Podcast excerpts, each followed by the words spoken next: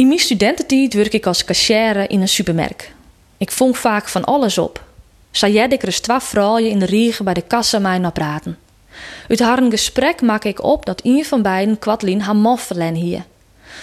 De situatie viel voor mij als boetensteende wat apart aan. Ik zeg dat de ene vrouw net goed wist wat ze mij het vaske vertriet van de widowvrouw onmast. Ze hief van alles ze kind. Ze hineert ze kind, maar ze zei in de vrouw in rouw. Nou, gelukkig zijn de dopertjes deze week in de aanbieding, hè? Ze laken er wat ongemakkelijk bij en zetten haar glazen pot met wattels en dopjetten op de rinnende boon. De absurde sketch in de supermarkt is me altijd bijbleun. Maar het zette me echt aan tinken. Want hoe moet je eens omgaan met iemand die in rouw is? Wat moet je sissen als een kwad, of misschien al wel lange lien, een partner, ban of orendierbare verlen had? Eerlijk zijn weet ik het zelfs echt net zo goed. Want zo volle heb ik in mijn leven gelukkig nog net met de deur te krijgen hoor in mijn directe vermidden. Zo'n twee Elien kwamen lietsbensje bij u in de Wenwijk te versterren door een slimme ziekte.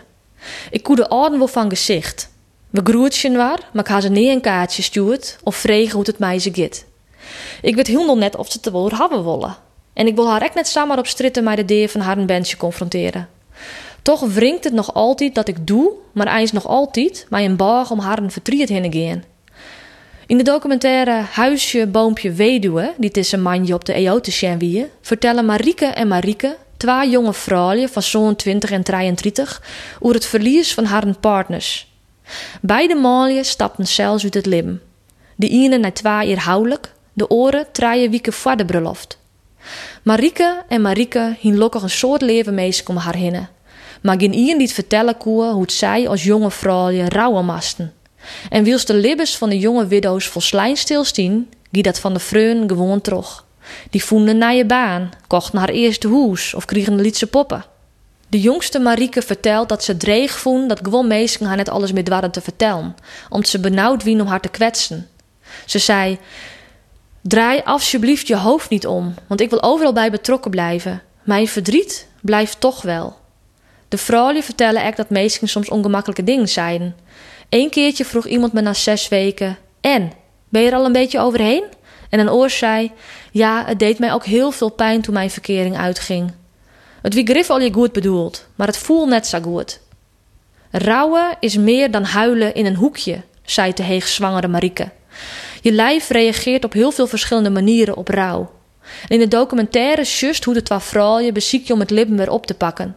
Maar het feit dat ze op nij verelen rijtje, betekent net dat ze haar een verstoren maalie vergeten binnen, leest de vrouwen uit.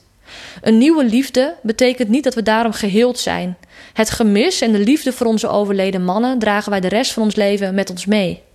Hoe kan het dat wij als meisken gevoelsmietig doch bij een grutte om eens verdriet heen?